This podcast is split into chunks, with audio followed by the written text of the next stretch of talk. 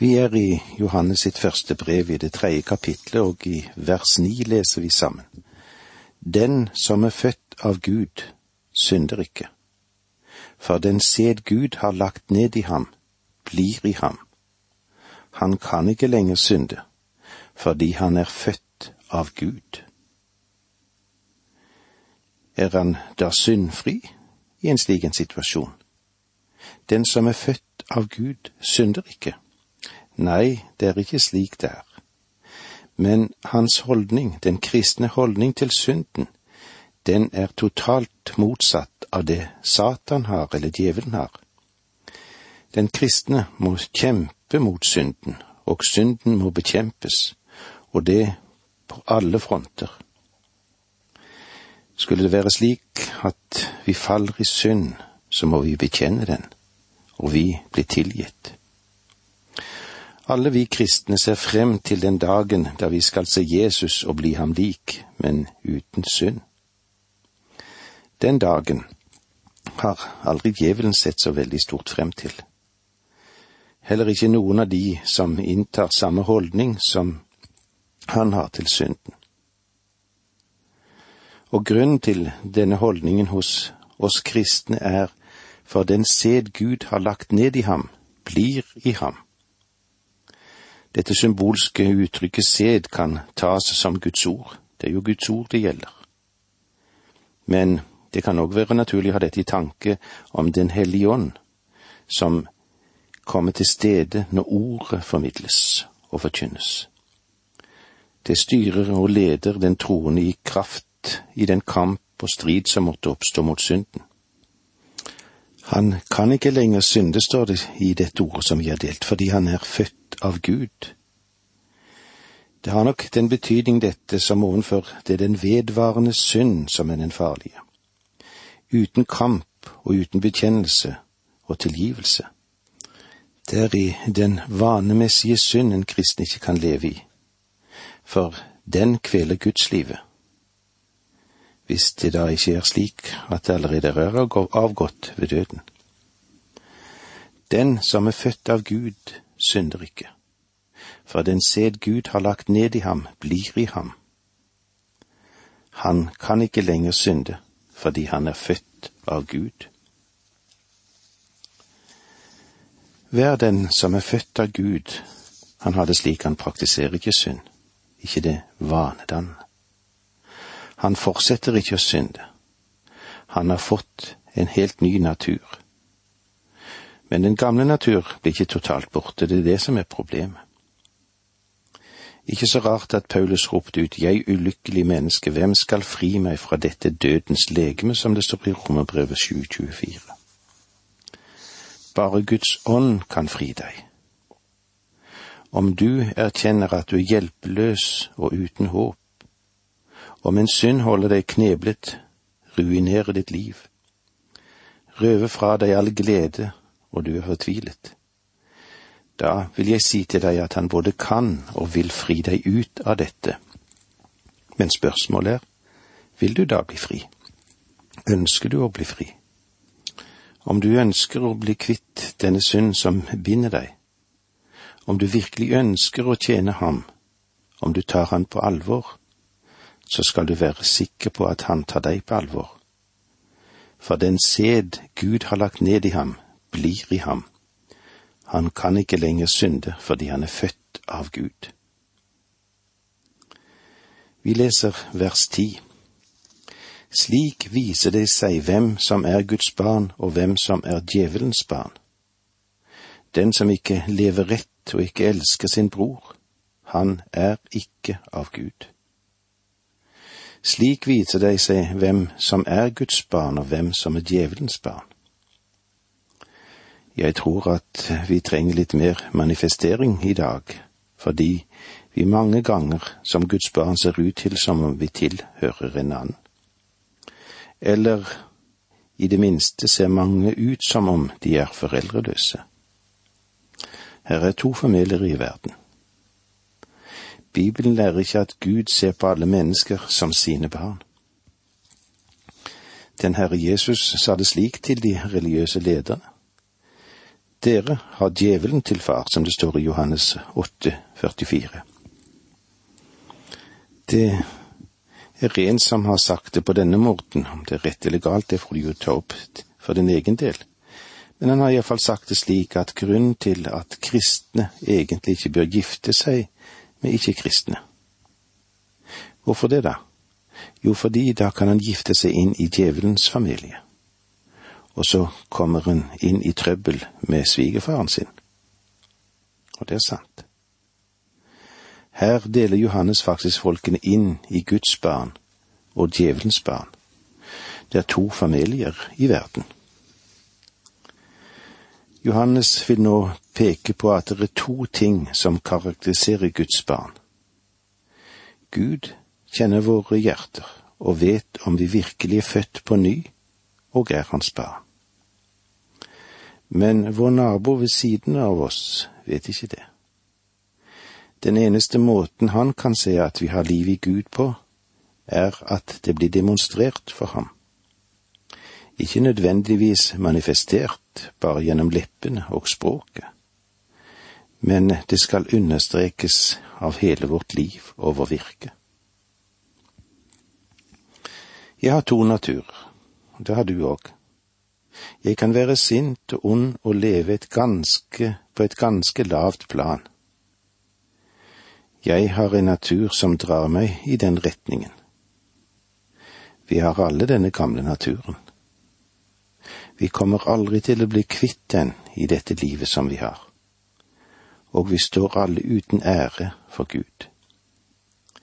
Men over den, i min nye natur, der kan jeg bære frukt som betegnes som kjærlighet, glede, fred, langmodighet osv.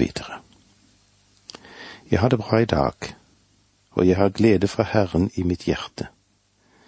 Men eh, i morgen så kan det jo hende at du vil finne meg, eller finne deg selv, i en dalsenkning. Jeg burde ikke være der, men det er noe som hender og når det gjør det, lener jeg mot, jeg mot min gamle natur. Det er slik det er. I Galaterbrevet ber Paulus de troende om å lære seg til å vandre i Ånden. Du kan ikke gjøre det selv. I Romerbrevet syv der oppdaget Paulus to ting. Det er ikke noe godt i den gamle natur, og det er ingen kraft i den nye natur. Du må ha hjelp. Det er ikke spørsmål om hvem du er. Du kan ikke leve det kristne livet selv. Det er bare ved Guds ånd som virker i deg, at du kan frembringe god frukt. Han ønsker å skape denne frykten i deg. Jesus sa det slik, Jeg er det sanne vintre, og min far er vingårdsmann. Hver gren på meg som ikke bærer frukt, tar han bort. Og hver gren som bærer frukt, renser han så den skal bære mer frukt. Johannes 15, vers 1 og 2. Han ønsker at vi skal bære frukt, men han sier også at han vil beskjære oss. Det gjør han ikke for å plage oss, men for at vi skal kunne være mer frukt. Noen ganger hender det at vi også i den gamle naturen bærer frukt, og det kalles for kjødets gjerninger. Og de er ikke særlig attraktive. Det er ingenting å skryte av. Slik viser det seg hvem som er Guds barn, og hvem som er djevelens barn. Du kan si hvem som er hvem gjennom deres frykt. Av frukten skal dere kjenne dem, står det i Matteus 7,20. Det var Jesus som sa det. Ser vi etter, bør vi finne litt frykt i våre medtroende, og der bør vi også finne noe hos oss selv når vi ransaker oss. Og i 1. Johannes 3,10 gir Johannes oss to klare identitetsmerker på et sant Guds barn. Slik viser det seg hvem som er Guds barn, og hvem som er djevelens barn. Den som ikke lever rett og ikke elsker sin bror, han er ikke av Gud. Og med disse ordene sier vi takk for nå, må Gud være med deg. Dette undervisningsprogrammet består av to deler. Åge Nevland fortsetter nå med andre del av dagens undervisning. Vi er i apostelen Johannes sitt første brev i det tredje kapitlet, og vi ser hvordan forskjellen er på Guds barn og på djevelens barn. Eller slik som vi leser det i det tiende verset. Slik viser det seg hvem som er Guds barn og hvem som er djevelens barn. Den som ikke lever rett og ikke elsker sin bror, han er ikke av Gud. Den som ikke lever rett og ikke elsker sin bror, han er ikke av Gud. Det er uten betydning hvem han er, og hvilken bekjennelse han har. Om ikke et menneske prøver å leve for Gud, er han ikke et Guds barn. Det betyr lite hvor aktiv du er. Det betyr lite om du har tillitsverv i en menighet. Om du er flittig som en maur i menigheten. Men Johannes sier at det er ikke det det gjelder. Ikke hvordan din karakter er som en kristen. Det er ikke det som har betydning. Den som ikke lever rett og ikke elsker sin bror, han er ikke av Gud.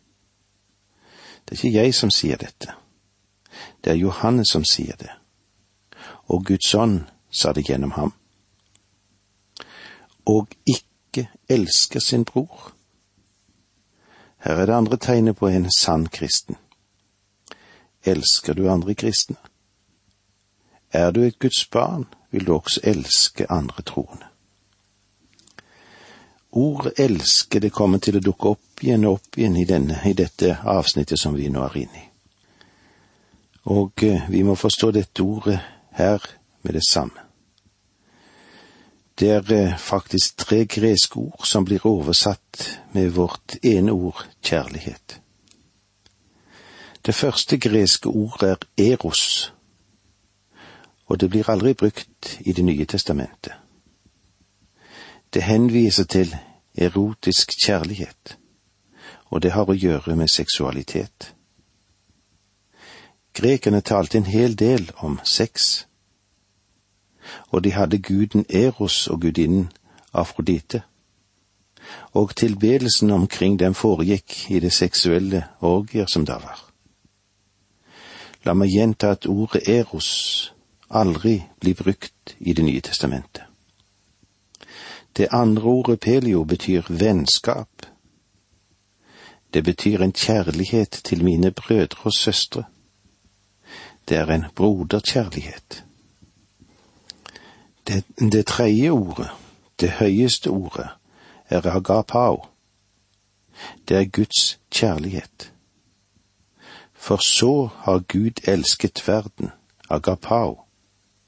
Det er ordet Johannes bruker her for å si til oss at vi skal elske våre brødre. Det finnes mye prat i dag om kjærlighet og kjærlighet og kjærlighet. Men mange ganger blir den fremstilt innenfor den seksuelle rammen. Men i Bibelen har kjærligheten ingen relasjoner til det i det hele tatt. Den som ikke elsker sin bror, han er ikke av Gud. Det betyr at vi skal ha omsorg for våre kristne trossøsken. Vi skal hjelpe dem. Det betyr ikke at du nødvendigvis skal være enig i alt det dine troende medsøsken har eller mener, eller det de måtte ha interesse for, og alt det de arbeider for. Men det betyr heller ikke at du til stadighet skal gå og klappe dem på skulderen. Det betyr at du skal ha omsorg for dem. Du kan ikke huse hat i ditt hjerte mot en annen troende. Vi vil i det neste kapitlet se at denne kjærligheten er ikke noe som er sløvt og slasket på noen som helst måte. Det betyr ikke at du skal punge ut overfor enhver som kommer og krever noe av deg. Nei, vi skal være svært forsiktige og holde øynene åpne. Men vi skal ha en kjærlighet i vårt hjerte for våre brødre i Herren. Dette skal være en kjærlighet som har omsorg som merketegn. En kjærlighet som handler om kjærlighet. Og en kjærlighet som gjør noe. I vers elleve her i det tredje kapitlet leser vi For dette er det budskap dere hørte fra begynnelsen av. Vi skal elske hverandre. Johannes taler ofte i dette brevet om i begynnelsen, begynnelsen. Den begynnelse han her taler om, er Kristi inkarnasjon. Og det vil si at han er kommet i menneskeskikkelse. For dette er det budskap dere hørte fra begynnelsen av. Vi skal elske hverandre. Johannes bekrefter bare her at det er den Herre Jesus som hadde lært ham dette. I det trettende kapittelet i Johannes evangeliet står det slik. Har dere kjærlighet til hverandre, da skal alle kunne se at dere er mine disipler. Denne kjærlighet skal være kjennetegnet på Kristi disipler. Johannes sier, det jeg forteller dere er ikke nytt. Dere har hørt det fra begynnelsen. Den Herre Jesus lærte oss det, og alle apostlene har undervist om dette. Vi har hørt helt fra begynnelsen at vi skulle elske hverandre. Kjærligheten til andre troende, ja, hvordan er det med det? Det kan være to, totalt mangel mange steder, og det kan òg være slik i mange sammenhenger.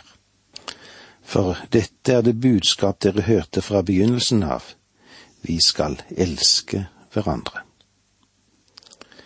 Kjærlighetsbudskapet, det har vært med i forkynnelsen og undervisningen helt fra den første kristne tid. Selv om bud å elske hverandre i første rekke her gjelder de kristnes innbyrdes forhold, så vil Johannes naturligvis ikke trekke en snever grense for kjærlighetens utfoldelse. Det karakteristiske for kjærligheten er jo nettopp at den er grenseløs. Gud elsket verden uten grenser og uten skillelinjer. En kristen er kalt til det samme å elske hverandre, uansett rase, folk og farge og gruppe hva det måtte være, for åndens frykt er kjærlighet. Vi leser videre i det tolvte verset her i det tredje kapitlet i Første Johannes. Vi må ikke ligne Kain. Han var den onde og drepte sin bror. Og hvorfor drepte han broren? Fordi hans egne gjerninger var onde, mens brorens var rettferdige. Vi må ikke ligne Kain. Han var av den onde og drepte sin bror. Kain og Abel var blodsbrødre, de, og de var svært lik hverandre på mange vis. Men Kain, han drepte sin bror. Hvorfor?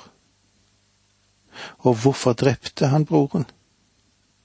Fordi hans egne gjerninger var onde, mens broren sine gjerninger var rettferdige. Hva var det da som var Kains problem? Hans problem var misunnelse eller sjalusi. Det var det som var Kains synd. Misunnelse er kanskje det beste ordet for å beskrive Kains sitt problem. Misunnelse har i seg også denne tanken om mistenksomhet. For eksempel kan det være slik at en mann kan være sjalu på sin kone. Det kan jo være slik at han elsker henne, men samtidig er han mistenksom, og tror kanskje at hun nødvendigvis ikke er trofast mot ham.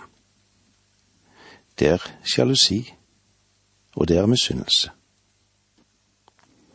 Misunnelse og sjalusi står i ordboken som det samme, det betyr det samme, men det er en viss forskjell allikevel, men de ligger ikke langt fra hverandre men jeg bruker altså helst misunnelse. Misunnelse er det som karakteriserte Kain. Han var misunnelig på sin bror, og hva gjorde det? Jo, det førte til mord. Misunnelse er det som finnes i menneskehjertet. En har sagt det på denne måten. Den mest destruktive kraft i verden er sjalusi og misunnelse. La meg gi dere en definisjon av misunnelse.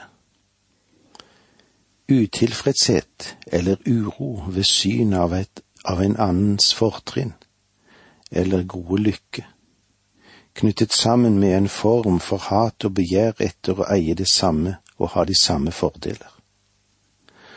Og det er vel det som nøyaktig beskriver hvordan Kain var. Med denne definisjonen så legg merke til for eksempel at en kvinne ikke nødvendigvis er misunnelig på grunn av en manns mot. Og det kan også være sant at en mann ikke nødvendigvis er sjalu på en kvinnes skjønnhet.